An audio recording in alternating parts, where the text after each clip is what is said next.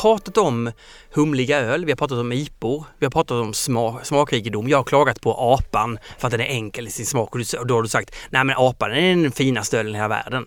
Inte riktigt så, men, men vi har varit i det, de.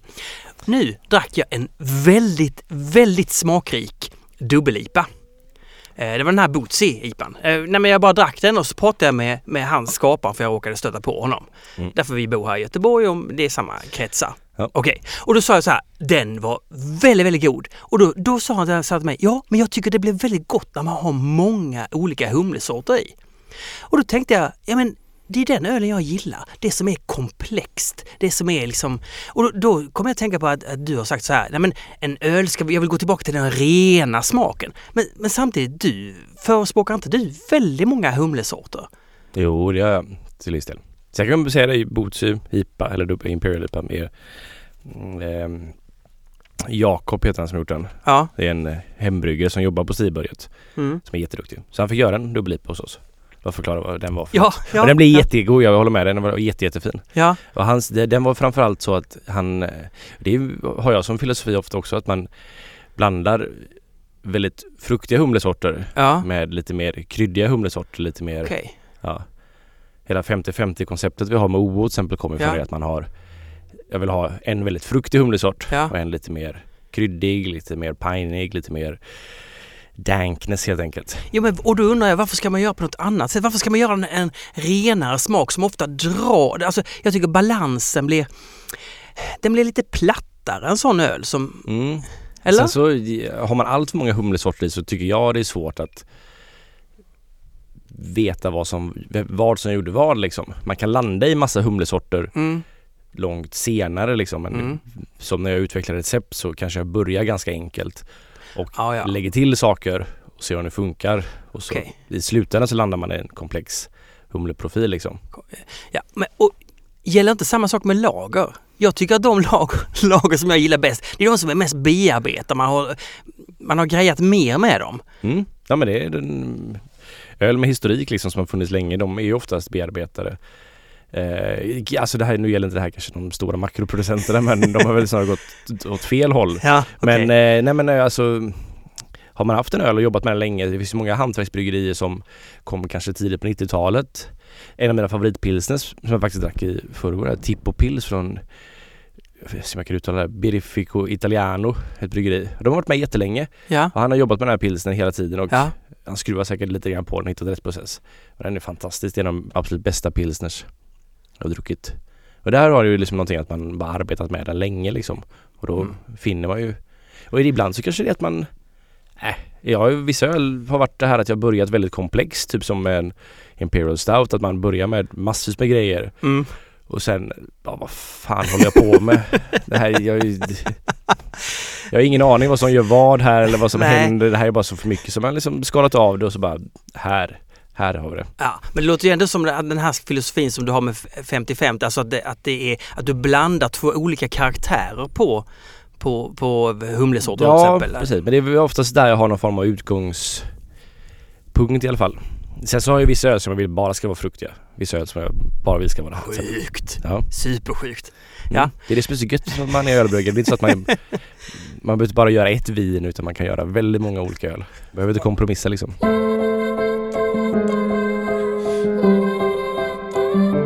Men du, du har ju, alltså eftersom det var ett tag sedan vi spelade in så har du ju hunnit med att resa så in i helvete. Ja, ja. Va, hur mycket har du rest? Eller var har du varit? Vad, vad, vad har hänt liksom? Jag har varit på ölfestivaler framförallt. Det är mest det.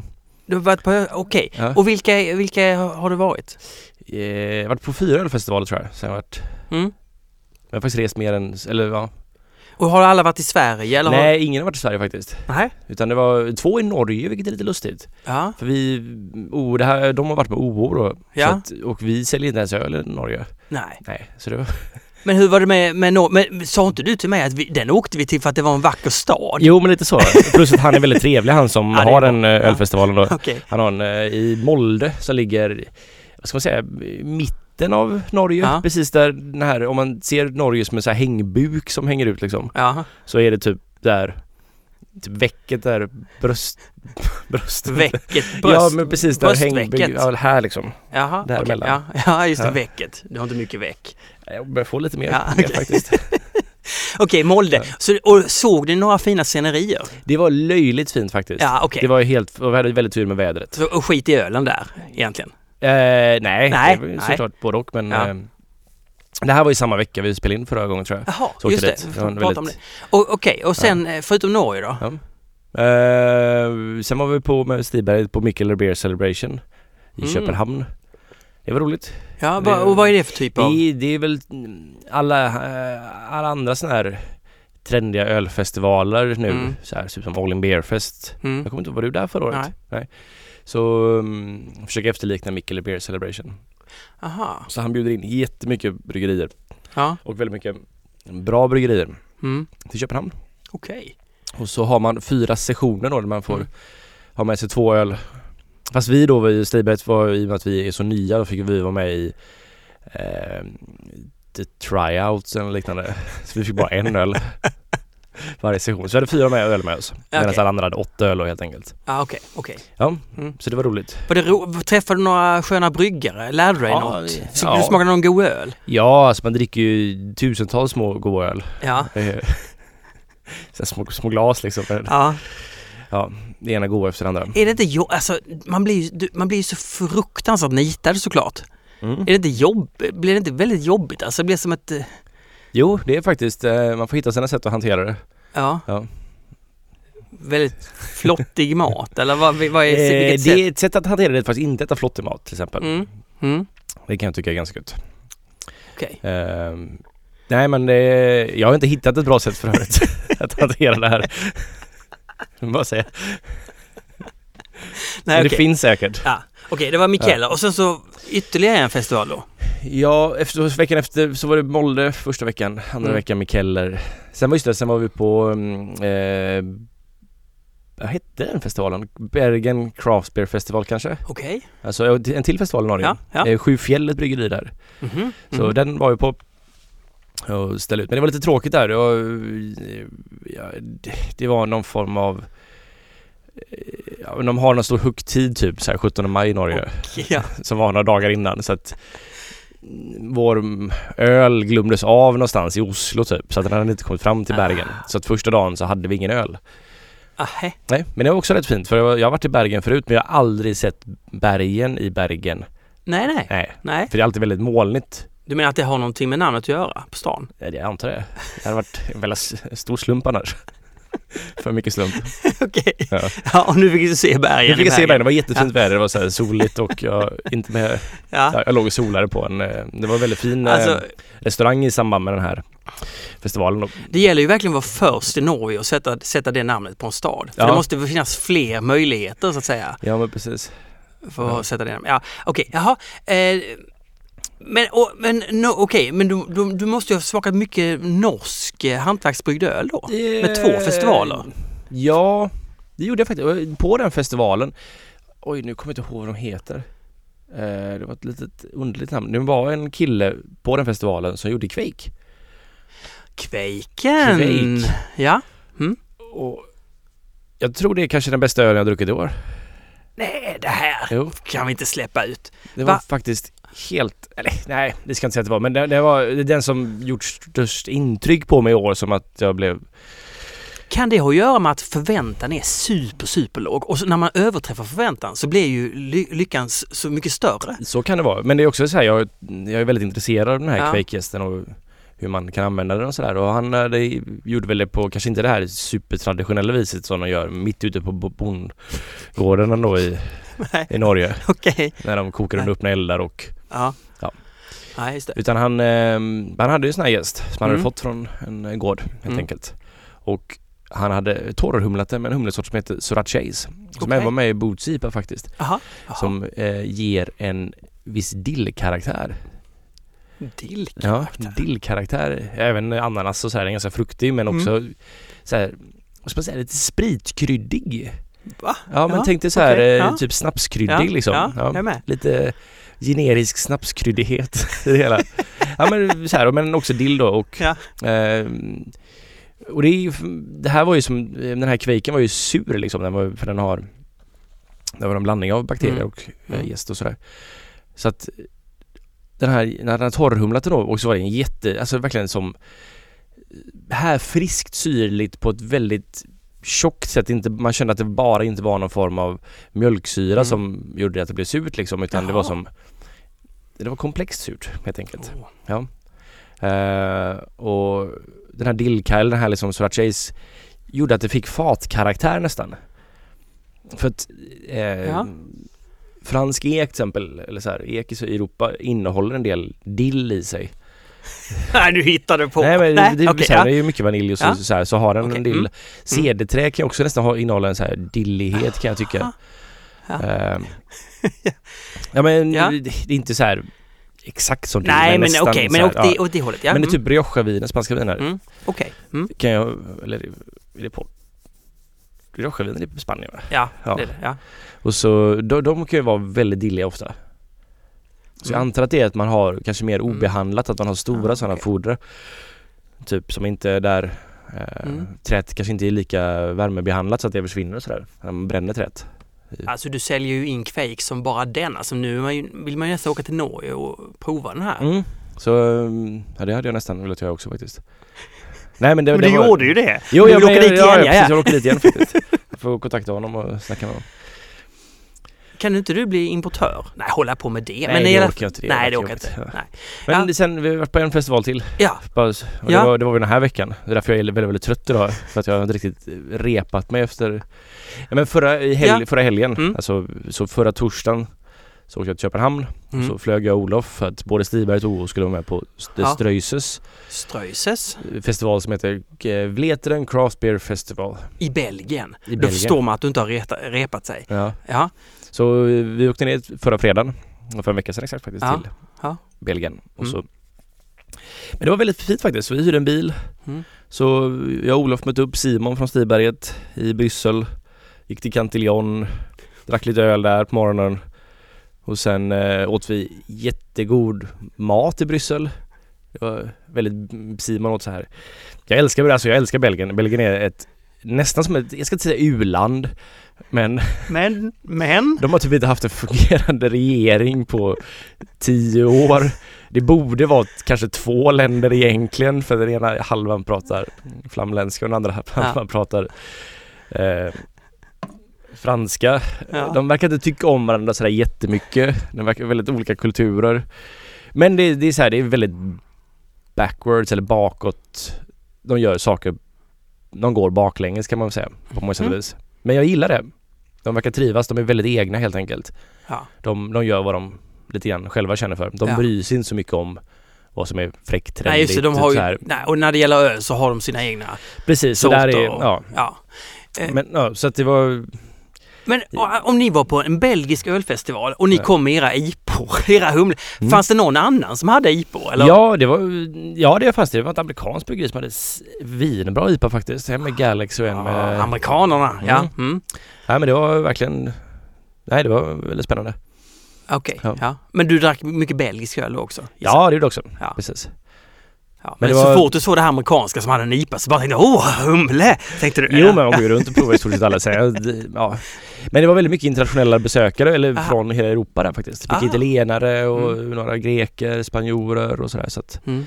ja. Och så var det väldigt så här, det var en väldigt lokal, så här, det här är ju väldigt konstigt också, det här är ju Vleteren då. Mm. Alltså, och Västvleteren Mm. är, en stad. Det här, Mm. Vi var ju Östvleteren. Eh, Eh, Okej. Ja, så, Ja. så finns det en stad till i Vleteren men det är typ Ja. 1500 invånare Ja. sammantaget i Mm. de här städerna. Ja. Och vi besökte ju det Ströjse Mm. i Ostleteren. Och sen så i Västleteren ligger ju Sis- Sixtus som gör Västleteren nummer 12. Alltså Mm. en av världens, Ja. det som är ryktat som världens bästa öl. Ja. Och jag tycker den, den är en väldigt, väldigt bra öl men det kanske inte är världens bästa öl. Men det är alltså en, en, klo- en trappistöl, Ja, alltså klosteröl. Mm. Och så är den Mm. Typ 10%. Ja. Och det roliga var att de, är ju inte sådär, de, det är de här jag snackat om som är så svåra. Ja. Ja, som är Ja. såhär, du måste ringa till Munk och snacka med honom och Ja. sådär. Ja. De ställde ut på den här festivalen. Va? Ja, Jaha. och krävde att få servera sin öl varm fick jag höra av någon. Så de stod där och hade bara hur mycket så här, pall med, det är ju värt hur mycket pengar som helst om man nu skulle få tag i den och sälja den på andrahandsmarknaden så där. Det är ju liksom, Du, en viktig fråga. Hade de munkdräkter på sig? nej, det är inte, för det är inte munkarna som serverar. Nej. Nej, de, får, de, de rör sig inte så mycket. De rör sig det inte när hade det väl varit coolt? Det hade varit jävligt plojigt Martin. Hade det Ja, varit. det var, du har rätt. Ja. Du har rätt. De vill, ja. inte, de vill inte förnedra sig med sådana saker som vi andra människor gör. Åh, vad, vad, Nej. jag, jag De är är, de är liksom- det här samhället har är, marinerat min hjärna. de är så rena Martin, de Ja. ja. inte sådär. Herregud Ja. alltså, jag behöver en avprogrammering. Ja, det Ja. kanske är dags. Ja, men det, har fyra festivaler, ja, Ja. men eh, du måste vara trött på festivaler. Ja, det. Och- Men kan vi ja. bara säga en sak? Ja, här, ja, gärna. Ja, förlåt, förlåt. ja, Kör, kör. bara- Ja. För det här Vletenområdet, så här, det bor Ja. verkligen, jag vet inte, någon sa 1500 människor till mig. Ja, Det känns som att det är lite mer än så faktiskt. Ja. Men, eh, men inte mycket mer. Nej. Men det är mitt ute på landet. Det är liksom västra Belgien. Ja. Så här, väldigt nära. Där alla krig är liksom så här, eller slag i första världskriget var liksom. Ah, okej. Så det var ju så här helt bara nedplöjt för länge sedan. Men ja. ja, och i det här området då, så det finns ju Ströjse som är ett väldigt känt bryggeri. De Mm. gör framförallt väldigt, väldigt stark öl. Ja. Alltså deras som hade 20 kranar i sin monter så det var, gick från typ 9 till 17. Ja, okej. Ja, Ja. på riktigt faktiskt. Ja, ja, ja. Hälften av kranarna var en öl i olika typer av vinfat. Det var väldigt gott och väldigt spännande att få prova igenom. Ja. Men man kom typ tre och så var det så här, jag måste ha en paus. Ja. Men ehm, Jo, det här, så de har ju då eh, Västleteren, eh, Mm. Trappistbryggeriet, Mm. eh, Ströjse. Mm. Sen finns det Dolle, bara typ en mil därifrån också. Ja. Alltså tre av tre extremt bra. Dolle är ett favoritbryggeri som jag tyvärr så hann jag aldrig besöka det men Nej. de Jag vet inte vad det Dolle betyder men jag hoppas att det är typ de stolliga. Jag hoppas det att det betyder det men jag vet inte. för det är så jag tänker att det är för de är väldigt, de känns väldigt stolliga. De gör väldigt rolig öl också. Ja. Och väldigt, väldigt bra Mm. öl, belgisk Mm. öl. Traditionell med Typ det är som en så här, någon som målar renässansmålningar fast med roliga hattar på typ folket. så är det Dolle ungefär. Ja, Ja. okej, okej. Eller smyger in ett så här litet skämt någonstans typ i tavlan. Men det är helt sjukt att de i det här lilla Mm. området har då tre så extremt bra bryggerier. Mm. För det finns inga människor där. Det fanns Nej. även en restaurang precis som vi gick till efter den här festivalen och även under festivalen ibland när man bara ville komma bort från Mm. 17% öl och dricka en Stella typ så satt man sig i den här restaurangen och den var hur mysig som helst och fruktansvärt sympatisk. Ja, men, vilken festival. Det här Ja, låter ju ja, som... det var, den var väldigt vacker. Det enda, och sen så bodde ju så alla bryggare i för att det finns inga hotell i den här staden liksom. Det finns, det finns inte ens hostel Då bodde liksom. ni i en gympasal? Ja, eller för festivalen var i gympasal, en basket så här klassisk Ja, ja. Och så eh, sov alla bryggarna i eh, dubbelsängar i en sån här stor sovsal liksom. Tänk dig den lukten. Ah, Så det var, lite, det var väldigt Ja. charmigt. Det var väldigt charmigt. charmigt. Ja. Men efter det så stack jag och Mm. Olof till Amsterdam och hälsade på en kompis. Så vi var där den här i måndag, tisdags. Aha. Och sen i onsdag så bryggde jag öl på Warpigs. Så vi, och i tis, så vi, på tisdag på natten här så åkte vi tillbaks med bilen Ja, Hela natten. till eh, Bryssel då, och flög från Bryssel till Köpenhamn. Och så kom jag dit, hade sovit typ en timme i bilen, en timme på parkeringsplatsen ute på flygplatsen, en timme på planet. Och skulle man brygga öl med Warpigs. Warpigs. Ja. Var det, så Köpenhamn eller? Ja, precis. Så det är danskt bryggeri? Ja men det var det, har inte vi snackat om det här? Det är de, det är ju Three Floyds Three och Floyds? Mikkeler tillsammans. Mikkeler? Ja. Three, vadå? Alltså det här amerikanska Three Mm. och Mikkeler det danska. ja. De har en gemensam bryggpub i Köpenhamn som heter Warpigs. Har de? Men jag, jag har inte vi snackat om det på Ja, det kan, men du vet att jag inte kommer ihåg någonting? Nej, jag Nej. vet. Ja. Eh, men det, kan vi inte... Jag, jag har några frågor, men jag, jag vill ha mer kaffe. ja, då kör vi. Du sa så här, det är en bryggpub. Mm. Alltså vi har en pub och vi har ett bryggeri bakom bardisken. Typ så ja. Typ så. ja. Och på... Eller det är, väl, det är väl snarare så här att det är en eh, ja, det är ett bryggeri som serverar sin egna öl liksom. Och de så- serverar den de- bara på den här baren. Ja nu, de säljer ju utanför också. så de säljer utanför. Men vi var ju där och gjorde en version av Gbg Beer Week. Var det på den? Ja, just Gbg. Beer Geek då. Ja, Niklas ja, har ju ja, sitt ja. såhär G Beer Geek. Ja, ja, ja. Okej, så att de har som en... De brygger tillsammans... Eh, Okej, men Så det är, men det är ju Mikkele kan man säga egentligen. Och de, är det så att då på de här Warpix, de brygger gärna med andra bryggerier? det gör de, det, Ytterligare? precis, de gör jättemycket samarbeten liksom. Aha, Så okej. den här veckan skulle Kyle då som jobbar där, han skulle bara brygga öl med olika folk som kom dit. Mhm. Och vi var en av dem. Hur gick det då? Jo men det gick bra faktiskt. Det var eh, eh, men jag jag var ju väldigt trött. Ta i lite humle bara, ta vad du vill. Eller vadå? Ja, säga, men det blir ju de här samarbetena är inte så, det är inte så att jag brygger. Kyle kan ju ha sitt bryggverk så väl så jag sitter ju mest och tittar på och Ja, kanske dricker en öl. Men kan du inte säga någonting? Kan Ja, du inte komma... Jo men, jo, men vi, vi filosoferar ju fram saker så här lite grann. Ska vi göra så här istället för så där? Men vi kommer inte överens om Ah, det. Okej, så- men det var väl tur Ja, det. Ja. Ska vi ha lite sånt här i den? Ja men det har vi. Så blir det som det. Nej men vi gjorde faktiskt en, eh, en ganska, jag, jag, jag är osäker på hur den här blir faktiskt. Jag, jag låg igår typ och så här, fan jag skulle inte haft i så mycket svartmalt. Men ehm, Men nu är det så. nu är det i ölen. Eh, nej men vi skulle göra en American Stout. Vi döpte den till Valpurgis. Från uh, Va? Ja, jag, jag vet inte, det var Nils på Stiberget. Uh, tydligen Warpigs är ju en Black Sabbath-låt. Bland annat. Okej. oh, vad konstigt. Eller det hade man Ja. aldrig gissat. Nej. Nej ja. men det är ju det är en väldigt bra låt. Warpigs. Mm. Från med Black Sabbath. Mm. Och eh, tydligen så skulle den heta Valpurgisk. Valpurgis innan. Men det fick de inte för skivbolaget. För Valpurgis är typ satanisternas julafton. Jag är förvånad att den som har nu är det inte satanisters julafton är. Men det, oh, ja. just så. Ja. vi, nu döpte vi den här ölen till Valpurgis. Mm. Så det blir liksom en kraftig American Stout på 7-7,5 procent. Ja. Med väldigt mycket humle, mycket musik. Okej, en klassisk hårdrocksöl. Eh, det låter så fel när du säger så. Ja visst, jag hörde det. Ja det är det faktiskt. Men, men är inte Three Floyds, det är väl ett hårdrocksbryggeri? Ja men det kan vara metalbryggeri. Metalbryggeri, ja, just metal, det. Metal Ja. och hårdrock. Ja. Man, ja, hård, man säger hårdrock sa man kanske på Ja, 80-90-talet. det låter mer som någonting som din generation säger. Ja, men alltså men de, de här unga killarna som sitter här på Palazzo, de säger ju, när jag säger knark då skrattar de åt mig. När jag säger sms, det kan du inte säga, du måste säga mess. Du kan, så att man är ju gammal va? Ja, Ja. man säger hårdrock. Man, Precis. Men, man, Men, ja, men Ja, okej, lite av en, förlåt, ja. ja, precis, ja, hårdrock. ja. Men det är samtidigt så här, jag, Mm. men vi får se, det här är ju ändå typ så här. Det bästa jag vet tillsammans med det bästa jag vet. Alltså Ja. mörk öl tillsammans med humleöl. Oh, Men ja. det kan ju vara så här, men det är som att säga, jag tycker om väldigt mycket om glass.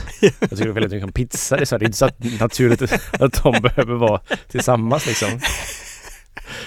Så jag är lite, det här var, jag har inte Ja. riktigt haft tiden att Nej. fundera lika mycket som jag hade velat göra på den här ölen kanske. Du, Så den blev lite havs... havs nu undrar jag en sak Olle. Det, Ja. För visst, det där, vi kan väl återkomma till den Mm. och utvärdera den när den finns. Det kan vi göra. När finns den? finns bara om några veckor väl? Ja, det tar tre veckor Ja, kanske. just det. Du, de här samarbetena, Mm. de här, vi brygger ihop det här bryggeriet.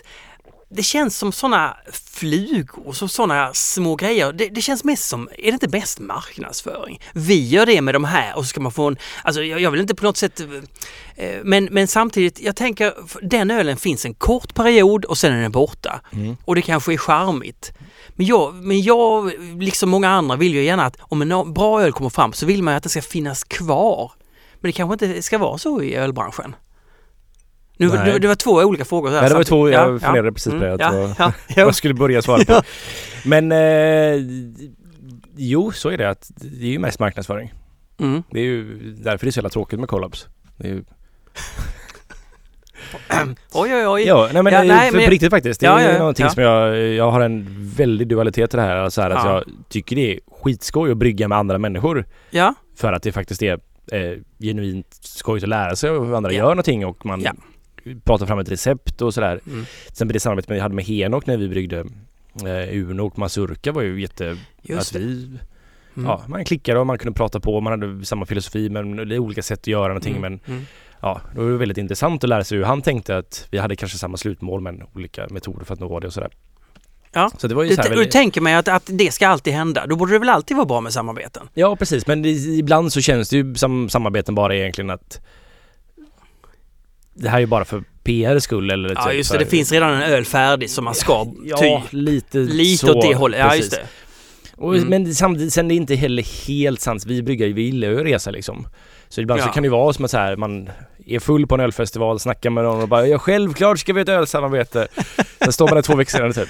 Ja just det, det sa jag. Ja, jag får väl göra det nu typ. Och så gör man det.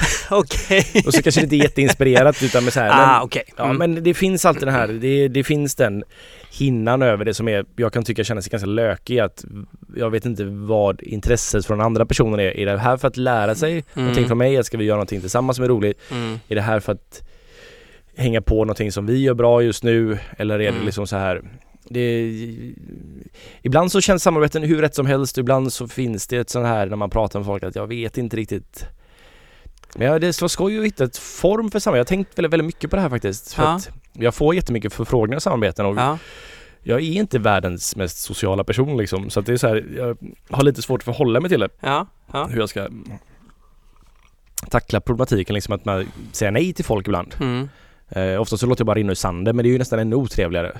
Ja. Men jag skulle hitta det som en form där man liksom så här tagit bort varumärket ur ekvationen liksom. ja, just det. Så att det egentligen bara handlar om Du, att du träffar en annan bryggare och ni, ni försöker hitta på någonting ihop. Ja precis. Och, och resultatet måste inte instagrammas det första man gör. Och så Nej vidare. precis utan Nej. man, eh, eller det, det spelar väl ingen roll så men, Nej, det är så här, men, men det är alltså- liksom inte så här att man, man bara liksom tar bort själva varumärkesbiten ur det. Man kanske Ja. gör det under tredje Mm. eller så här. Ja. Något sånt liksom. Ja, men det jag är med varit dig. väldigt, intressant. Men jag, Ja. tycker, jag, jag, jag tycker vi ska köra på det. Ja. Jag ska fundera vidare på detta först och främst tänker jag. Vi pratade lite om, em, om bryggverksköp Ja, eh, för OO. det. Det här med att, att nu ska du dra igång OOs eh, verksamhet med bryggeri. Ja. Ni har hittat något ställe att vara på. Mm. Har ni, och du sa du väl också att ni hade ett stort ställe? Det ja, tror jag vi sa. det är väl eh, 700 kvadratmeter Ja, ungefär. men det, det räcker en bit. Det räcker en bit. ja. Ja, har, ni kommit längre nu? Har ni tagit emot ett brygg eller ni väntar på ett... Nej, men det så här, det byggs nu faktiskt. Mm, Så det har Mhm, börjat mm. byggas Mm. den här veckan tror jag det just det. Just det. Eh, Jag kommer inte ihåg hur mycket men det här är ju, det ska vara med på en festival, eller inte festival, en mässa i Tyskland som heter Drinktech, det här bryggverket. Det ska vara alltså ett utställningsexemplar. Så vi får. Fast det är okej. Ja, ja. Ja men det är gött för det är då, Mm, man, är det- får lite rabatter och de slänger in så här lite roliga grejer på bryggverket. Okej, Ja. va, vadå? Va, en rolig grej på ett bryggverk, vad kan det vara? Jag vet inte. Så här, neonbelysning under, så det så här ser fräckt ut. Kanske. Men det, Nej men jag, Ja. vet- jag vet faktiskt Nej, inte. Jag, jag har sett mycket bilder och jag blev lite nojig bara, Ja. nej kommer de ha typ sån belysning på bryggverket nu? Så, nej men jag tror inte, men de eh, har Ja. gett oss lite gratis grejer som de vill visa upp. okej. sådär. Men så jag, jag gissar att det Typ du... en display som man kan blanda vatten med och sådär. Man kan säga, ska ha här mycket av det här och så här mycket av det så ska jag ställa in temperatur vilket flöde ska vara. Istället för att hålla på med spakar så här liksom. Aha, Ja. okej, just det. Men, det. men det du håller på med nu är, är egentligen att få upp olika distributörslinor gissar jag? Eller? Mm. Nej? Eller hur menar du? Alltså vad gör, alltså för planeringen inför att ni ska dra igång Ja. måste ju handla om varifrån ska, alltså att man nästan beställer humle för ett, ett år framåt. Mm, ja, men det har, precis, vi har precis skrivit på ett kontrakt för Humle. Ah, Ja, okej. Det gjorde vi alltså i veckan typ. Ja, är det något bra humleföretag? Vad sa du? Är det något bra humle? Det är samma som Stiberg tar. YCH då som är Jack Ima Chief Hop Union. Var två företag, nu är det Mm. ett. Okej. Så där köper vi eh, på kontrakt då de fem humlesorter vi använder mest kan man Mm. säga. Eh, och sen så har jag ju försökt så här, hitta på ett bryggschema för ett års tid och så här hur mycket kan vi brygga av Evergreen, hur mycket Ja. kan vi brygga av Narangi. Och så, men så han sa till exempel, ja, jag har ingen Citra i år till för vi börjar nu i höst. Så vi, vi måste ju ha då Man har ju så här som i Ja. år då så brygger vi med 2016 humle för att den skördades 2016 då från Ja. USA. Nu kommer då humlen här i augusti så kommer ju humlen från eh, Australien och Nya Zeeland då 2017 men de skördar ju på våren för att det är där Ja, deras höst är liksom. Ehm, ja, så att, men det är så, här, så att jag har fått fundera då så att ja, men i år behöver jag så här mycket för det är den här Mm. typen av öl vi ska brygga och sen så nästa år så här mycket så det har varit så här verkligen Det är väldigt svårt att veta hur bra eller dåligt det går. Det är lite läskigt att skriva kontrakt för om, man, om det inte går så bra så vill man ju inte, för jag är ju tvungen att köpa all den humlen och det, humle är svindyrt. Så det är så här, Ja. Okej. ja, det är, men det är väldigt det är lite svettigt faktiskt. Ja, Men vi skrev lite lägre kontakt för jag har också väldigt bra eh, kontakter med lite andra distributörer av dels samma humletillverkare fast för spotpriser då. mm, och sen okej. så även lite andra tillverkare som... Men Olle, kan du inte göra så att du bara brygger väldigt bra öl? Mm. Så tänker jag att då kan det bli ändå ganska... Det kan, då kommer du sälja lite grann, Mm. eller? Vi får se. Jag ska... Jo, men det är klart jag ska brygga bra öl Martin. Vad fan. Den här ölen är så bra men oh, oh det där varumärket, jag vet inte. Nej, jag tror i och för sig det hänger samman. Ja men spännande, ja, okej. Nej, men så det är det läget vi är nu helt enkelt. Ja. Så jag beslutade mig för maltleverantör Mm. och så ja, Maltleverantör också? jag köpt jättemycket humle helt enkelt. Ja. Ja, okej. Mm. Malt, ja just det, malt och där kör du den eh, tväng, tyska malten? Tysk och engelska. Ja, okej, Ja. just det, beroende Jag är lite så, jag gillar att typ köpa malt från det landet där ölstilen kommer Mm, ifrån typ. mm, så mm. Pale Ales och IPOR och Mm. sådär, det är ju ändå engelskt. Så där köper jag, även om vi gör Ja. amerikanska IPOR, men Ja. så där köper jag engelsk malt och sen Mm. så när jag gör pilsners och sådär så köper jag eh, och eh, tysk malt. Mm. Men jag vet inte, sen så finns det ju så här, det finns ju belgiska mälterier också. Så jag funderar på om när man gör saison och typ så här, engel, bel, belgisk öl, ska man köpa bel... saison, ska du, ska du göra saison? Ja, vad fan, jag, vi har ju en på Systembolaget Martin, på Hemia heter den. Jag älskar saison, det är bland det bästa jag vet.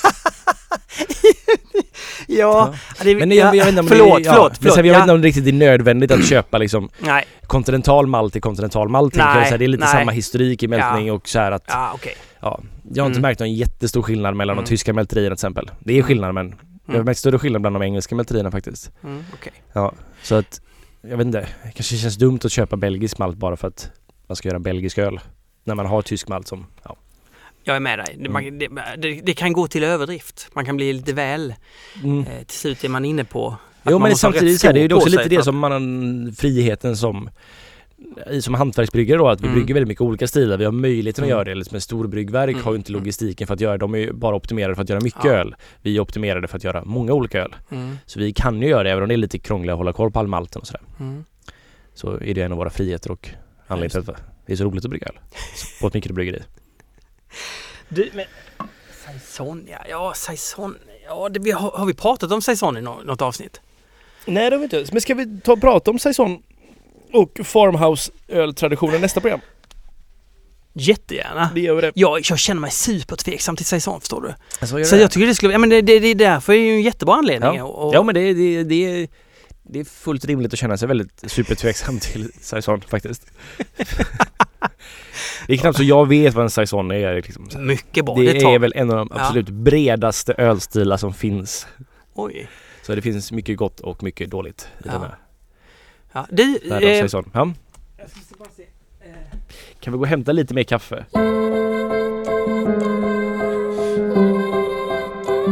jag drack ju den här. En Bellhaven Black och då sa Mm. de där på, på Red Lion, ja men den är lite ganska lättdrucken Mm. mörköl. Som Mm. då var uppdraget, eller det, det vi skulle snacka om, mörköl.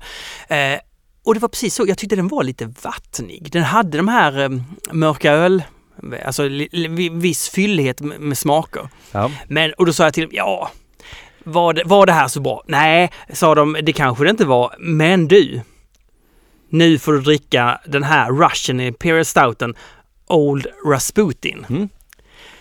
Den var ju helt magiskt god. Den är god. Alltså den var så fyllig och så full av smaker. Ja. Hur stark var Bellhaven-ölen?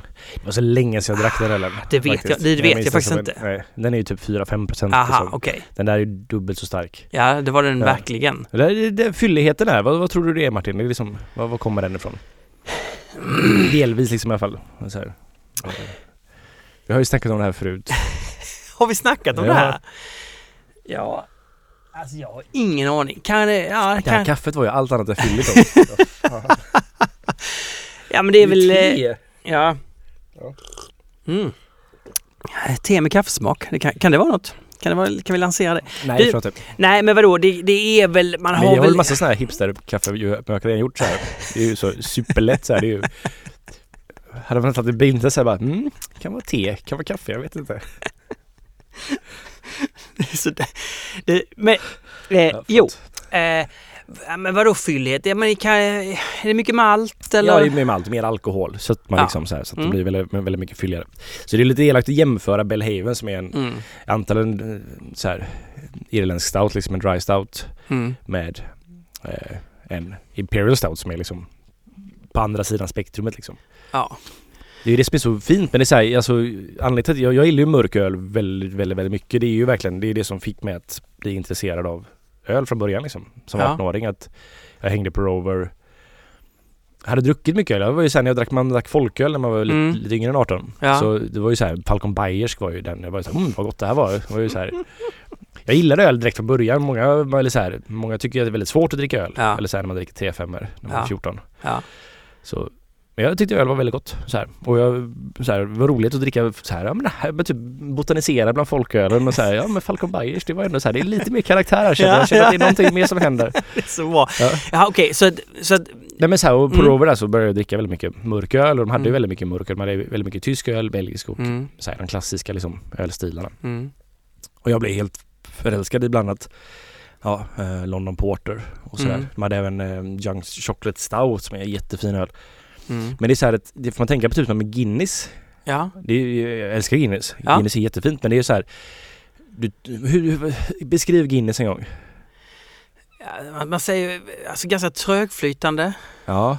Eh, nej, jag kan inte beskriva det. Guinness är ju inte så som man tror den är liksom. Den är ju Alltså När jag hör folk säga åh nej dricker du Guinness? Man blir så mätt av Guinness och sådär. För att det, den är ju trögflytande, den har ju väldigt speciell munkänsla. Ja. Och det handlar ju om att den drivs av kvävgas Jaha, istället Okej. för koldioxid. okej. Så då får man en helt annan form av munkänsla på den liksom. En, Ja. en nitro det Mm. kallas det i serveringssättet liksom. Mm. Så att man, eh, ja men kvävgas helt enkelt. Så då Okej. får man ju så här de här fina bubblorna som bara regnar genom glaset sådär. Ah. Fräckt. Ehm, men den är ju 4,4 procent, 4,2. Det är ju Ja. jättetunt. När jag Ja, hade ja. ölprovning, jag fick lära mig ett eh, knep av Pelle på Ja som förr i tiden drev Ölrepubliken nu har Brewers Beerbar och eh, ja, All In Brewing då att Mm. som sista öl kan det vara gött att så här som bonusgrej att man har eh, Guinness mot Duell. Det är ju inte de kanske de finaste ölen man kan dricka men eh, båda är väldigt, väldigt bra. Ja. Och då så här, Duell är en Belgian Strong Ale eller så här en, ja, en ljus Belgian Strong Ale som Mm. att så här em, ja, på 9, 8, 9 procent där. Mm, Jätte, mm. bara pilsner, malt och socker i liksom. Ja. Är jätte, jättegod. Fruktansvärt förrädisk liksom. Eh, Ja. och så har du eh, ja, Guinness då, Just Dry Stout. Mm. Och när du jämför dem med varandra så är det som att du tror att Guinnessen är sådär krämig, fyllig, brödig så här, men den är jättetunn och platt liksom. Det är en stor stark med lite rostad karaktär i sig liksom. Lite som det här, det här kaffet Martin. Det är Ja. så här, ja, att man bara så här lite lite kaffekaraktär. Medan då den här superljusa ehm, eh, duell då har så fyllig munkänsla så här att och för det är så mycket mer alkohol bara. Och eh, extremt så här en helt annan upplevelse liksom. Och då inser jag att så här, och när du dricker de två vid varandra så är Guinness så här det är som att dricka vatten. Ah, Ja. ja, okej. Och Så man kan inte alltid säga att en mörk öl är, har mer smak än en ljus öl. Nej, helt, precis. Helt enkelt. det är, men ja, det var lite det jag skulle komma till att så här att många är så här, oh nej jag dricker inte mörköl för att man har väldigt mycket förutfattade meningar om det. Men Mm. mörköl kan vara precis som det här delikata som är en pilsner liksom att det är så här det finns i mörköl också. Och jag Jaha. älskar det och det som jag älskar framförallt med, jag är väldigt driven av dofter liksom att så här, Mm. och eh, mörköl har en så fantastisk doft tycker jag. Det har liksom över hela brädet liksom så finns det Ja, alltid men- en ja. Fantastisk doft för det mesta liksom. Och det kan vara som är maltdriven då att den här kaffetonerna kommer fram, det rostade och det är fantastiskt. Man pratar ju alltid väldigt mycket om uh, kaffetoner, chokladtoner, och det här Precis. rostade och så Ja. vidare. Ja. V- vad kommer det ifrån? Vad, vad är, vad, hur gör man en mörk öl? Alltså vad... Jo, alltså historiskt sett så när man porter uppfanns då typ 20-talet eller 1720-talet någonstans där. Mm. Eller då det började väl typ nämnas eller där man hittat de första Mm. så här, skriften om det. Det har väl kanske funnits tidigare. Mm. Då var det ju ett sätt att man bryggde typ man köpte brunmalt. Mm. För man mältade, mältningsprocessen har vi snackat om. Mm. Nej, Det kommer du ihåg? Mm. Glasklart. Ja, helt glasklart. Ja. Mm. Ja, ja, ja. Nej men att man ehm, Ja man, man, man groddar malt och sen så torkar man malten lite igen. Mm. Och eh, när man torkar malten så gjorde de det här under, det här är ju som 1700-talet Mm. så att de hade liksom inte sådär jättebra tekniker för det så de öppnade eldar och sådär så att det blev väldigt ojämnt torkat så en portion av malten blev typ så här brun, en blev kanske svart men den slängde man kanske då så här så var det en Ja. som var ljus och fin som man ville Mm. göra öl med men den var väl egentligen amber eller bärnstensfärgad kanske som Okej. ljusast liksom. Men den här brunmalten då var den mitt emellan så det, det bryggde man porter på. Eller man bryggde öl på Mm. detta och så blev det Ja. porter. Ah, okej. Billig. Men det var också det, porter höll ganska bra. Typ, det är, det är Okej. någonting så här att den blir inte stale lika fort och sådär. Nej. Så den var så här populär på det och så var det billigt och så blev det Mm. väldigt, väldigt populärt med porter liksom. Mm. Sen så typ 100 år senare på 1800-talet någonstans där så uppfanns Då hade man mycket bättre mältningstekniker för då hade Mm. man kokset, så här stabila temperaturer och sådär. Mm. Så då kunde man så här, nu ska vi rosta det här och så. Så det finns ju någonting som heter patent malt eller black malt som är då det var väl en kille som inte, han fick patent för det här rostningstekniken för att göra då en stabil form av typ svartmalt.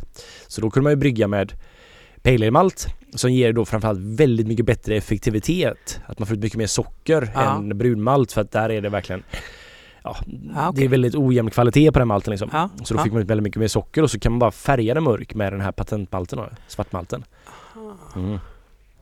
Så man har ju så här, så när vi, vi har ju porter eller stout så här så 80% är ju oftast bara pale ale, samma som en IPA liksom. Jaså, va? Ja. vad är det du säger? Ja, Ja, okej. och sen så ja. har man då bara så specialmalter som är extremt mörka. Och det måste vara mycket smak i dem också Det är väl? jättemycket smak i Ja, dem. för det blir... Ja. Precis. Så det här, och det är det som är så, det, det är väldigt fantastiskt faktiskt. Det är, och, i- Tyvärr så får jag inte lov att brygga så mycket mörk öl som jag vill brygga. Det brygger ju bara grumlig IPA idag liksom. Men så jag har inte riktigt så här hunnit testa mer men det finns ju väldigt, väldigt mycket olika malt. Mm. Vi har ofta så här två olika versioner av chokladmalt som är liksom de Mm. ljusare rostade. Man brukar säga man kan dela in malt i basmalt, Mm. eh, karamellmalter, Mm. eh, rostade malter Rostade malter. och specialmalter då liksom. Som är liksom så här blandning av tekniker och sådär liksom. Okej. Lite allt Mm. möjligt. Men basmalt, karamellmalt så här, det är väldigt simpelt att ja, karamellmalten är lite sötma Mm. kroppsligt så här och så rostade då som har rostat det. Mm. De har ofta tagit en annan väg då från basmalten eller så här Mm. än vad man gör med karamellmalten. Det är så att man bara tar karamellmalter och fortsätter göra dem på ett visst sätt. Utan man, eh, man rostar dem på ett så här. Ja. Och sen eh, och då finns det ju ambermalt som är liksom röd malt. Typ så här, Ja, ja, som ja, ofta ger väldigt mycket kant, brödkant liksom. Typ som en surdegsbrödkant liksom. Så det kan vara lite så här. Det är väldigt, väldigt, väldigt gott. Det är väldigt underskattad malt faktiskt kan jag tycka. Ja. Ja, och jag, här är jag, jag vill börja testa det lite grann för det finns väldigt mycket olika. Alla har sin egna så här amber malt som de är ett mälteris egna produkt liksom. Men vänta, du, du, du hade rö, du, karamellmalt och du hade rökt malt. Nej, Rostad, rostad malt. Rostad Rostad, malt. Och amber är en typ av rostad. Nej, det är precis, precis. Ja, en rostad så här, röd. som man säger, den här rostade malten Ja, ja. den börjar med den ljusaste då som är ambermalt. Aha, det är den ljusaste. Precis, jag, ja, kanske, okej. jag är Mm. trött. Jag Jo, förklarar men det, det, det är bra att jag försöker Ja. förstå. Så, ja. Och sen då upp då till, och så är det här patent malt eller svartmalt det absolut mörkaste. Okej. Ja. Mm. Så så det finns ju massor olika, sen finns det två, ofta sa ett mälteri, två olika typer av chokladmalt som är liksom Mm. så här mittemellan mörka. Mm. Mm. Sen finns det rostat korn också som är då omältat. Mm. Alltså Mm. de andra är malter då, att man Mm, har faktiskt ja. groddat dem. Ja. Medan rostat korn då Mm. är egentligen det råa sädeslaget rostat bara liksom. Mm. Den ger väldigt, väldigt det, det, jag, jag, så fort jag använder rostat korn så upptäcker jag att jag tycker inte om rostat korn så jättemycket. Nej. Den är väldigt, an, jag tycker det är väldigt ansträngd. Det är, så här, det är som en kaffesumpsmak nästan på det. Oj. Ja, medans många säger att svartmalt ska ge den här, men jag tycker att svartmalt är ganska gött faktiskt. Ja. Och det är, men det är lite det, den här ölen byggde på Warpix i veckan. Det hade Ja. rätt mycket svartmalt och det var lite, lite grann så här typ som en whiff of inspiration jag fick så här, men jag ska, för jag faktiskt läste lite om allt, eller så här, om Ja. mörk öl till det här avsnittet. Fan men jag, ska, jag gillar ju svartmalt, jag ska vi kör rätt mycket svartmalt. Men igår så låg jag hemma och bara så här, fan varför körde jag så mycket svartmalt? Ja, men det, Ja. det är svartmalt, det är så mycket svartmalt funkar kanske i en Imperial Stout, kanske inte i en American Stout.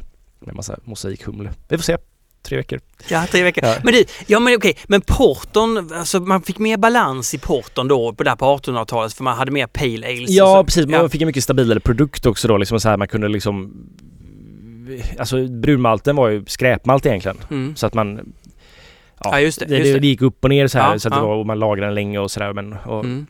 eh, eller ja, man, man kunde också sälja porten mycket snabbare än många, kunde, Mm. många andra öl och sådär Men ehm, eh, Ja, det var ju en så här liten revolution att man kunde göra, men det var ju för alla öl egentligen att man Mm. hade bättre kontroll på mäskningstemperaturen och kunde göra de här specialmalterna. Mm. Eller så så här, en range av olika typer av Mm. för att faktiskt mer skriva recept istället för bara att jag har det här, ner med det och så kör på med vatten och så ja.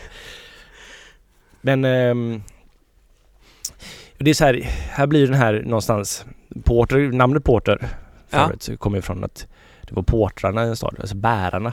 Jag har någon gång hört, jag vet inte om det stämmer, att det var eh, typ häst och vagnförbud i centrala eller delar av London. Okej, Ja, ja. Typ att vi slår bilförbud i Ja. här. Så eh, då bar folk då massa grejer för att en stad behöver ju liksom business och ruljans. Så då var det människor som gick runt och bara, så de blev ju såklart väldigt törstiga. Så de drack mycket porter. Hade de så här porterbänkar utanför. Ja men den var ju ganska svag kanske. Ja. Så här. Men sen så porter från början var ju, den var ju starkare. Den var ganska, från början när de gjorde så var den ja, så här 7% någonstans där. Och så blev den svagare och Som så är där. svaga. Ja, krig och Nap Napoleons krig, eller så här kriget med Napoleonkrigen och sådär, gjorde att det blev svagare. Man var tvungen att, jo man var tvungen att Ja, ransonera, man okej. skattade Mm, högre och sådär. Ja, just det. Så. Och sen så Mm, mm. exporterade Ja. massa till Irland då. Mm. Och sen så det här med stout och porter, det är ju en väldigt speciell grej.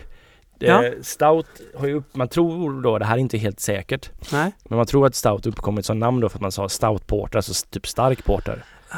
Det fanns ehm, Mm. double porter, extra Mm. porter, stout porter. Och till slut så blev det bara stout. Genialt. Ja, lite finare, lite bättre. Lite- ja, men och sen så då så här, det exporterades massa porter till eh, Irland Mm. och så där fanns då bland annat började Guinness göra sen sin egna porter som Mm. sen blev stout. Man får ju för sig mycket att England och, eller Storbritannien är, är det mörka ölets eh, försvarare på Mm, något sätt. precis. Eh, Stämmer det? Alltså dricker man mer mörköl i, i England? Kan man tänka sig det? jajamän. Och det är ju så här, det, jag kommer ju aldrig till det med den här Westleteren till varför det fanns då de här tre bra bryggerierna Nej? i vattnet. Nej, är det? Ja. Eller i Wreteren här, de Ja. har väldigt, väldigt alkaliskt vatten. Ah, okej. Och det är ju väldigt nära England faktiskt det här. Ja. Det här är ju liksom precis, ja. Ja, ja, Engelska över, kanalen, över, över sundet, Ja, ja. precis. ja. Så att jag kan tänka mig att det var lite samma jordmån där. Men ehm, väldigt mycket alkaliskt och mycket mineraler i vattnet. Mm. Så att det lämpar sig för mörk öl. För alla de här ölen som de är kända för där nere i Vleteren är ju mörka, kraftiga, starka öl. ja. Det här snackar om att den här 20 ölen från 9 till 17, det finns en anledning till att de gör den typen av öl. När de gör IPA smakar det för jävligt för att vattnet är så dåligt. Aha, men så när du gör en mörköl här, Ja. då häller du i mineraler? Exakt. Ja.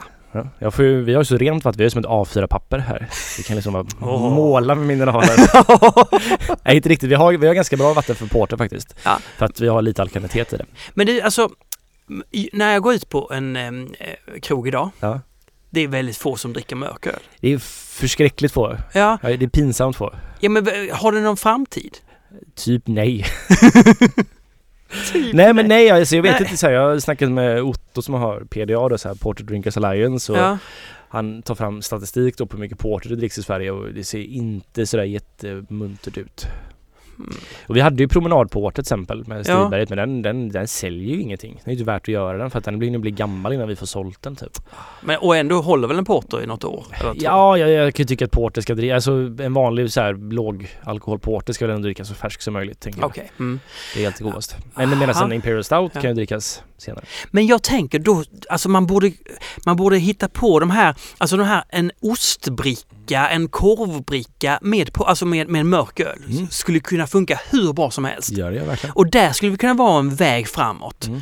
Eh, att hitta liksom en plats för den mörka ölen tillsammans med mat på rätt sätt. Jo men det är mycket möjligt faktiskt. Och jag gillar ju mörk öl också bara för att det, ölen kan vara som en simpel jävla öl. Att man dricker den som en pilsner nästan liksom. Typ som en promenadporter liksom. Ja, alltså en mörk ölbar. Det är, fram, det är nästa steg. Ska vi starta det Martin? Nej, En men... hårdrocksbar. Hårdrocks- Hårdrocksbar. bara mörköl. Ostar. Jättegoda ostar. Ostar också. Supergoda. En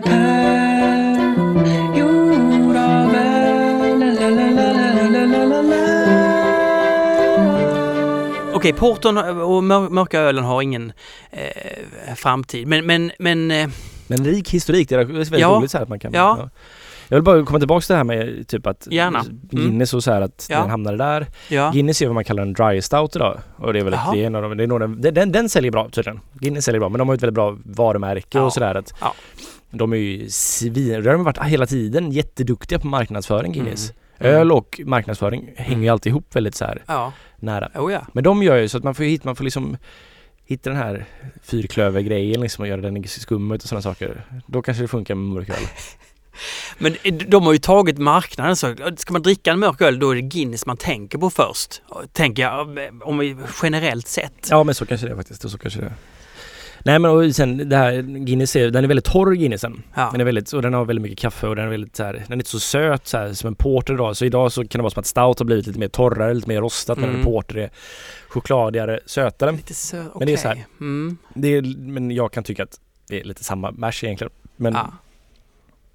men det är, vad jag, vad jag, vad jag fattat det som så är att Guinnessen de börjar ro- använda massa rostat korn då istället. Det här snackar om som inte var då det här mältade. Ah, mm. Som är det här liksom ganska torra. Som du inte gillade? Nej, som inte jag gillar så jättemycket. Men, för det blir, ju- det blir väldigt så här torrt och strävt och Ja. eh, tanninigt och Mm. ganska så här, kaffesump Mm. istället för. Ja. Och det gjorde de tydligen då för att eh, det, det som inte var mältat det skattade man inte på något ställen så att Ah, det är alltid pengarna. Det är alltid pengar. Det är ju det som är så roligt här, att det har faktiskt styrt så extremt mycket av utvecklingen så här att de kommersiella intressena att det är ju verkligen en extremt kapitalistisk driven produkt Ja, liksom. ja. Där Man kan Ja. följa den. Det kanske inte är vad som är alltid godast och bäst utan det är vad som Nej. har Men sen blev det bra i alla fall och det har överlevt. Ja. Men det är klart, nä, jag, när jag tänker, nu tänker på nästan all, all, alla barer och restauranger, de har ju en mörk öl. Det är precis som att det, de, någon, en eller två sorter har de ofta. Mm, ja precis. Ja, men det, och det, det är väl lite typ så att ja, sådana stora måste slänga in en kanske eh, typ en bayersk liksom. De måste ha en mörk öl. Mm. Så de kanske inte bryr sig så jättemycket om men de måste ha det för att vissa gillar det och ibland vill man ha något mörkare typ så här. Mm. Så de måste ha det men på samma sätt så eh, bara har ju så här att ja, de måste ju nästan ha, de måste ju typ ha en Guinness. Mm. Ja. Just det. Men, men jag tänker på det här med. Jag har ju sett lite flera sorter som heter Amber Ale och sådär. Mm. Eh, Min fru gillar ju det väldigt mycket. Ja. Alltså att du har en, till exempel en lager eller en ale med, med mer smak i för att du har tagit in det här. Varför pratar jag om lager nu? Det vet jag inte varför jag gjorde. Men Ja, men det finns mörk Ja, lager också. ja, men alltså att eh, du får ju mer karaktär med hjälp av den här. Ja malten är så här, den är ju väldigt Ja, desto mörkare färg desto generellt då kan man säga desto mer specialmalter man använt eller och Mm. mer malt och så att och då får man ju oftast Alltså en pilsner är ju väldigt simpel för att det bara är pilsnermalt i stort sett Mm. som är basmalt som Mm. är Mm. karaktärslös den är bara till för att ge socker Mm. medan specialmalten är där för kryddningens skull liksom Just det. Så att desto mörkare desto mer då kan man ju säga så här desto generellt sett desto mer eh, karaktär på den liksom Ja. men sen så behöver det inte vara så, alltså det är ju så många parametrar i det hela liksom. Eh, malt, Ja. malt kan ju vara ganska mycket färg fast lite smak också. Ja. Men det måste varit länge sedan du drack en Guinness. Nej, det var väl lite det kan det ha varit? Eh, några månader sen kanske? Va? Ja, Ja, det är så alltså. ja alltså jag, jag gillar Guinness. Ja. Men, eh, Mm. ja nej, men om man ska dricka eh, liksom väldigt mycket under en öl, man vet man är på typ en svensexa kanske, Mm. så är det ju väldigt skönt att dricka Guinness. Mm. För att du blir inte så full. Nej. Eh, typ 4 procent. Eh, har inte så mycket bubblor i sig. Det här med kvävgasen, ingen Mm. koldioxid så rapar inte så mycket. Nej. Perfekt. Det är mycket bra. Ja. Eh, Det jag funderar på är den här, den här ryska Imperial Stouten som jag Ja. drack. Som var så smakrik. Vad har de gjort? Förutom att alkoholhalten, är- det kan ju inte bara handla om att eh, alkoholhalten är hög för att den ska bli god. De, men de har ju, de- den kändes så balanserad, smakrik, Ja, okej. Mumsig Ja. tyckte jag. Jag skulle säga att den är en ganska, den är, jag gillar Rasputin. Den Ja. är, ehm, vi har ju två ganska stora amerikanska um, uh, stoutar i Sverige, eller som är så här, ganska, de Ja. finns överallt. Det är Rasputin och så är det Yeti från Great Divide. Mm. Eh, Rasputin är mycket mer balanserad än vad Yetin är. Den är den är god men den är jävlar vad den är. Det är bara mycket av allting. Ja, okej. hum, mycket humle liksom är det också. ja. Men den är, det är alltså komplex maltprofil och det är så här, jag älskar Imperial Stout. Det är så här, man kan inte dricka så mycket av det här. Det är ju väldigt starkt så. så. Mm. Men du, du får ner så mycket smak tack vare all den här Mm. malten och du kan liksom vad jag upplevt är att jag brukar gilla stoutar med mycket ambermalt i eller liknande malter. Ah, okej. mm. Och när, när man har i det så blir det oftast För då får man den här brödigheten, den här liksom brödkantskänslan, digestive kex och Eller säger man digestive? Vad säger du Martin? Jag säger digestiv, Ja, men, säger- säger men digestive. ja, ja. ja. Nej men och det är det är, det är en liksom en väldigt komplex öl och det är så här när man blandar så mycket och det är väldigt lätt att det sticker iväg att det kanske blir eh, så generellt sett att göra starkare öl kan vara lättare för att man kan maskera det med Mm. alkohol och fel smaker och sådär men när man har så mycket mörk malt så får man inte lov att hamna i Man kan dra ut tanniner ur den mörka malten Ja. som är liksom den här strävheten man kan känna i vin som kommer från vinskal och kvistar och sådär. Det vill man inte ha Nej. för då blir det väldigt obalanserat. Mm. Okej. Ja. Jaha. Ja. Jaha, vad, vad mer finns att säga om mörker? Alltså jag, förutom att den ska dö för att den är smakrik och att, Ja. att mm, hög alkoholhalt kan vara, vara Alltså, bra jag, för jag, fyllighet. Jag, jag vet inte, jag, jag hoppas nu, jag, tror alltså mörköl kommer överleva. Men jag sitter ju en, jag vill göra jättemycket mörköl. Det men- kommer komma en OO. Ja mörköl. herregud, herregud. Men det är Herregud, det kommer att göra det. Vi, har, vi har ju redan Baltic Porter som är vår mörköl. Ja. Och det var faktiskt den första ölen vi släppte eh, Mm. kommersiellt. Det Ja. var ju så här, det var för att det är en, det är en ölstil jag finner väldigt god. Du älskar ju den här stilen. Jag älskar den ölstilen Ja. och den är väldigt mystisk. Det, det är ingen så här, vad är en Baltic Porter? Det är ingen som vet. Baltic Port, ja okej. Ja. Mm, ja. Nej men, eh, men vi kommer göra mer. Men det är samtidigt så här, det är ju man måste, vi, vi är en verksamhet, vi måste gå runt liksom. Det, Du måste gå runt. det hade varit den sämsta affärsidén någonsin att så här, vad ska man öppna ett porterbryggeri idag? Ja, det är Mm. ju så. Det är så. Men, men du vill ha, ja, nej men det är klart att du ska eh, göra, fortsätta göra den. Ja. Men, eh, Och, och någon stout också kommer du göra. Så jag kan tycka att folk ska börja stödköpa porter. Tycker man det är helt okej så köp en porter lite oftare. Du, Russian Imperial Stout. Ja. Vadå, vadå rysk? Jo, men det, det var... Eh, vad fan hette de? Det var typ ett bryggeri som sen såldes till Berkeley Parkins. Sen såldes till, vad heter de? Eh, Courage. Mm. Så det hette typ kategori, den exporterades till Ryssland för det ryska hovet helt enkelt. De gjorde en starkare version. Helt enkelt. För ryssar gillar starka saker. Antar jag. Nej men det fanns väl så här att det var kallt på Östersjön och sådär så att det frös. Men det tror jag är en myt. Om man inte hade massa alkohol och i ölen. Ja, det låter som... Ja men det, Ja, ja, precis, okej. men det, mm, ja, hur som helst. Ja, okej. Så den så- exporterades dit så det Ja. blev så här, det är den, det är därför blev det Russian Imperial Stout. Ah. Ja, så. Det är så det enkelt är. Jag förstår. Jag förstår. Ryska hovet, får man ju tänka på den här eh, tyska, tysk, tyska drottningen i Sverige Mm. som du pratade om. Ja det. Som också vill ha lite bättre öl. Precis. Det är hoven som ser till att man får bra öl. Ja men jag Till tänkte länder. så här, jag tänker ofta att det är på den tiden, det var väl de som hade sett världen, Mm. såg så här trender, oh vad de gör det här, vad, spännande det här, typ så här, "Ja, det var inte där så att de var väl trendsättare väldigt mycket Ja. tänker jag, för de var, det var, det väl de och handelsmän som faktiskt fått se lite delar och Mm. upplevt olika kulturer och såg att men det här borde funka här att, Mm. och sådär. Och Imperial, Russian Imper, im, och finns det någonting som bara heter Imperial Stout också? Alltså jag, ibland så, jag, idag säger jag bara Imperial Stout. Du Alltså, säger jag, bara, jag, okej, jag tar bort det okej, Russian. ja, ja, okej. Och bara Stout är alltså svaga. Imperial är som en dubbel, Ja, dubbel precis. Stout. Alltså Ja. dubbel, dubbel, dubbel, dubbel. Alltså ja, Precis, Imperial. Imperial. Ja. Som en, ja okej. Imperial IPA. Är det Exakt. någonting man Ja, kan var ju jobba med? att, det, att men när man, det fanns IPA så nu det en jättestark IPA. Ja men Stouten har ju Imperial Stout. Imperial IPA. Imperial Session IPA, vad säger du om den? eh, det här finns redan. Nej, är det sant? Ja, klart det finns. Folk har döpt saker till. Ah, mm. Ja, Eh, det är förskräckligt faktiskt.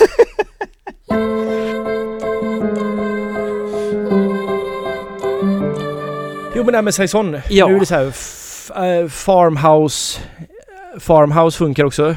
Farmhouse funkar. Eh, country beers som jag läst om någon som hade börjat kalla det också. Eh, ja, Det här är ju liksom kärt barn och många namn. ja, Så att det finns, du får även dricka öl som har, eh, det finns ju saison som är den klassiska belgiska som är Ja. typ som DuPont och de här. Eh, DuPont ligger också typ i den här regionen Ja. för övrigt. okej. Ja, Som, ehm, jag var i Belgien. Men eh, de, det är ju väldigt, det är ju rena säsong. De har inga, eh, inga bakterier och sådana saker. mm. Men det finns många säsonger som har bakterier. Mm. Framförallt amerikanska nya tagningar på detta är det blandad mixed fermentation, alltså blandad kulturer med olika. Så eh, vad, allting som du tror har med saison att göra kan du dricka inför det här. Ja, jag tror jag ska googla lite. Ja det får du nog göra. Ja, Ja. ja men låt det bara... Eh, du! Ja. Vi, har, vi ska ju prova en öl. Nej måste vi det? Ja, vi måste. Okej. Jag har huvudvärk och jättetrött. Vi, måste faktiskt göra det. Okej. måste göra det. Vi gör det. Det Okej. här är något som skämtar, det är något som helst i industrilager i. en- Nej, vänta lite nu. Nu, nu, har vi, nu har jag öppnat en flaska vi har fått hit. Mm. Vi smakar. Eh, Daniel skriver att han har bryggt öl hemma sedan i höstas. Ja. Eh, det här är första ölet jag forcerat kolsyra på fat. Mm. Så hoppas det gick vägen. Ölet är en tolkning på Dortmunder Export. Ja, ja, ja. Ja, det är lite, kanske lite mer lågt. Den består av pilsnermalt, Mm. Munich Light och Carapils. Mm. Humlen är Tettnang och Hersbrucker. ja. Jag sa ju att det var lager Martin. Ja, ja okej. Det hade varit konstigt om vi tog helt fel. På. Mm, ja. Eh, Mangrove Jacks Bohemian Lager Gäst. Mm. Eh, jag har inte vattenbehandlat skriver han. Eh, vattenkälla i bergen har han tagit vattnet Okej. från. Det För att är, få så mycket hussmak som Ja. möjligt. Mm. det är fint tänkt men lite fel tänkt. Berätta. Dortmund är en eh, pilsner i södra Tyskland är mer eh, mjuk liksom i vattnet medan Dortmund, eller den norra Dortmund och pilsner är hårdare i vattnet. Okej, Och bergskällor brukar ofta vara ganska mjuka källor eller vatten. okej. Så att, Men det är ju ändå lite från naturen. Det är ja, det, det, det, det är jättefint tänkt. Okej. Ja, och det, man- den tyska är ju lite humligare oftast eh, där uppe. Typ så här. Mm. Eh, Att den kan ha lite så här eh, humlebett i sig liksom. Ja. Den här är lite ganska söt och den har en det, jag kände direkt att det var en pilsner liksom, eller lager. Mm. Den luktar väldigt så här, Dortmunderpilsner är väl den som kanske industrilagen är liksom gjord efter. Just det, den har den här karaktären. Alltså vad kan man... Vad kan man kalla den här karaktären? Det smakar lite, alltså jag ska inte säga gräs, men lite syrlig gräs. Alltså sån Jag här... skulle säga att det smakar ganska gräsigt faktiskt. Alltså den har ju, det är ju humlen den här då. Vad sa han? Tättningar och men ty- tyska nobelhumlarna, eller sa han tättningar? Jag kanske bara inbillar mig det. Ehm, mm, mm, mm. De har Och ju- Hersbrucker. Härsbruck, ja men det är liksom så här, det är ju ganska mm, gräsiga humlesorter liksom. Alltså, Örtiga och sådär. ja. Ja, så det var inte helt ute. Sen den här är lite feljäst för den, den smakar och luktar även lite som en typ Duvel liksom. Eller så. Mm. En Och belgisk det- trippel strong. Eller den har lite, lite, lite så här marsipankänsla liksom. Och det handlar inte om att vi har haft den en månad i kylskåpet. Nej, nej, herregud. Det, det är nog bara bra för den. Men ehm, Ja, eh, det är nog bara att den har jäst kanske lite varmt, skulle jag gissa. Ehm, kanske lite dåligt med Mm. från början och så lite varmt och så blir det de smakerna. Det, ja, Men alltså, det, är, inte- det, är, alltså, det är inte så att det är äckligt, men det finns där. ja, Men ja. Alltså jag, den, det har något speciellt det här ändå. Jag, alltså jag tyckte den var... Jag tyckte den var lite god. Alltså, visst, den har någon... Den, jag ska inte kalla det för bismak. Den har den här tydliga eh, starkölssmaken. Precis, men den är fruktig. Den är för fruktig för att vara Ja, i så här. Jag har fått esterna, men jag tror det beror på en lite för varm jäsning eller för okontrollerad jäsning på något sätt i alla fall. ja. Ehm, Men om han nu ville nå åt ett visst håll, Ja. åt det här, då, då tycker du att det har liksom inte riktigt landat? Nej, det ska vara lite renare om man ska vara helt ärlig bara. Det är, Mm. det, men det är inte, det är inte superorent. Det här är, det här är, jag dricker det här. Det här är inget jag spottar ut liksom. Nej. Men det är det tonerna finns där menar jag mest bara. Mm. Att det, Ja. ja, och de blev mm, ganska... De, de, de är tydliga liksom, kan Ja. man säga. Och det här som man snackar om att han har eh, forcerat eh, kolsyra på fat. Ja, ja, det är ju att man istället för att ehm, ja, ehm, att man trycker ner koldioxid Ja. artificiellt genom en tub liksom. Som Aha. att sätta tryck på fatet. För då trycks ju kolsyran, då löser Ja. den sig i vätskan helt enkelt. Ja. Kolsyra är ju koldioxid löst i vätska. Det låter lite professionellt att göra. Alltså det låter som en jag avancerad. gör typ inte så. Jag, Nej, jag naturligt, okej. jag spundar ölen istället. Så jag låter den, den sista jäsningen skapa, för jäsningen Ja. skapar ju koldioxid. Mm. Så om man inte släpper ut koldioxid då så kolsyras ju ölen. Ah, okej. Så brukar jag göra. Så brukar du göra, ja. Ja, men det är ju för att jag har trycktankar på ett bryggeri liksom som jag kan göra detta. Det är gött.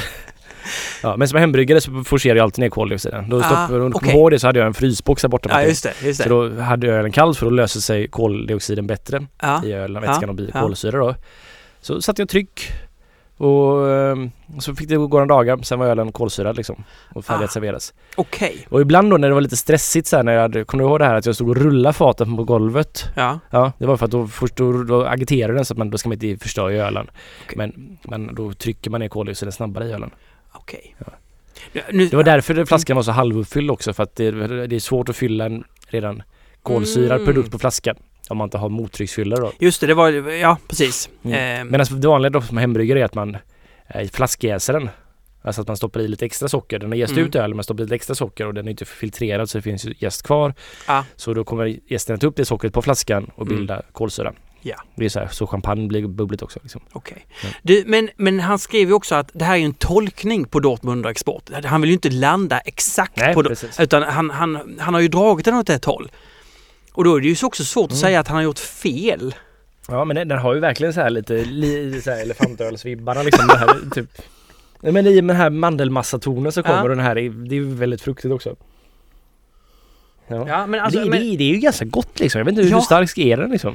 jag vet inte, men jag, jag känner mig inte så. Jag har druckit lite grann här nu. Jag känner mig inte så påverkad och jag brukar vara en riktigt bra barometer på. Mm. Men det är fin humlekaraktär faktiskt. Jag gillar den. Det är en Ja. bra, bra tysk humle liksom så här. Ja. Kontinental humle. Bra, Mm. trevligt. Du, eh, snabbt bara med, med det här hur man kan eh, olika metoder. Den här eh, snubben som, som la eh, den här IPan på elementet för att få bort lite diacetyl. Jaha, var det jag Real Ale killen ja. Ja precis ja. Ja, Ja. han sa det att eh, jag la den på Okej. elementet. Nej, det är inget du brukar göra. Att man värmer Jo, upp en öl. Jo, det, det gör vi typ varje dag på bryggeriet. Vi, för att Okej. kolla om den har decetyl i sig. För att det, Aha. det blir flyktigt när man värmer upp det. Så att Ah. man känner aromen. Så att det vi gör är att vi, vi lägger dem i ett hetvattenbad innan vi kallkraschar ölen för att se om det är decetyl i dem. Ja. Så vi ett decetyltest helt enkelt. Så att det inte ska finnas decetyl i ölen. Ja, ja, just och det. är det det så får vi liksom vänta en stund till med den och få låta den gå längre för att decetylen ska rensas upp. Det låter risky att Ja, värma upp men det här, det här var så mycket deacetyl i... Vilken öl var det? Maddel. Maddel? Ja. Ja, det måste vara en flask... Ja. Det måste vara en dålig flaska. Ja. Ja, men du, eh, tack så mycket Olle Ja. för att jag får träffa dig. Ja, För att vi får hålla på det här. Ska du, vi måste ju ta en bild. Vi måste tänka på marknadsföringen. Okej. Instagramigheten. Du, jag kan hålla på att filtrera den här bilden så supermycket sen. Jaha. Eh, jag ska se här hur trevligt det här blir då. Eh, jag blev, Jag är riktigt dålig hårdag idag. Så. Eh, men vem har inte det? Mm. Så, som jag brukar säga. Eh, där. Det, vi ska, vi- och sen den här Dortmunder, exporten. Jag tänker Ska man, Dortmund, nej men jag vet inte. Man, det kan man jobba med. Hur man vill. Eh, eh, så, ja. Där, bra där Olle. Bra, jobba med kameran! Jobba! Ja. Så. Eh, då är det säsong till nästa. Och du, Mm. glöm nu inte att gå och med Farmhouse i... Ale och all, alla möjliga Farmhouse-. Ja, Och glöm inte att gå med i Svenska Ölfrämjandet. Precis, det ska göra. Jag har faktiskt inte gått med än. ja, du ska. Jag måste förnya. Jag måste förnya. Mm. Ja. Det är bra. Vi ses om en vecka. Det gör vi. Nej. Tack Ina också. Va? Nej, vi ses om en månad. Men Ja. eh, vi försöker spela in lite så här. Nu kommer jag, nu kommer, nu har jag faktiskt ingenting förrän, nu är jag ingen ölfestival förrän i augusti. Nej, det är bra.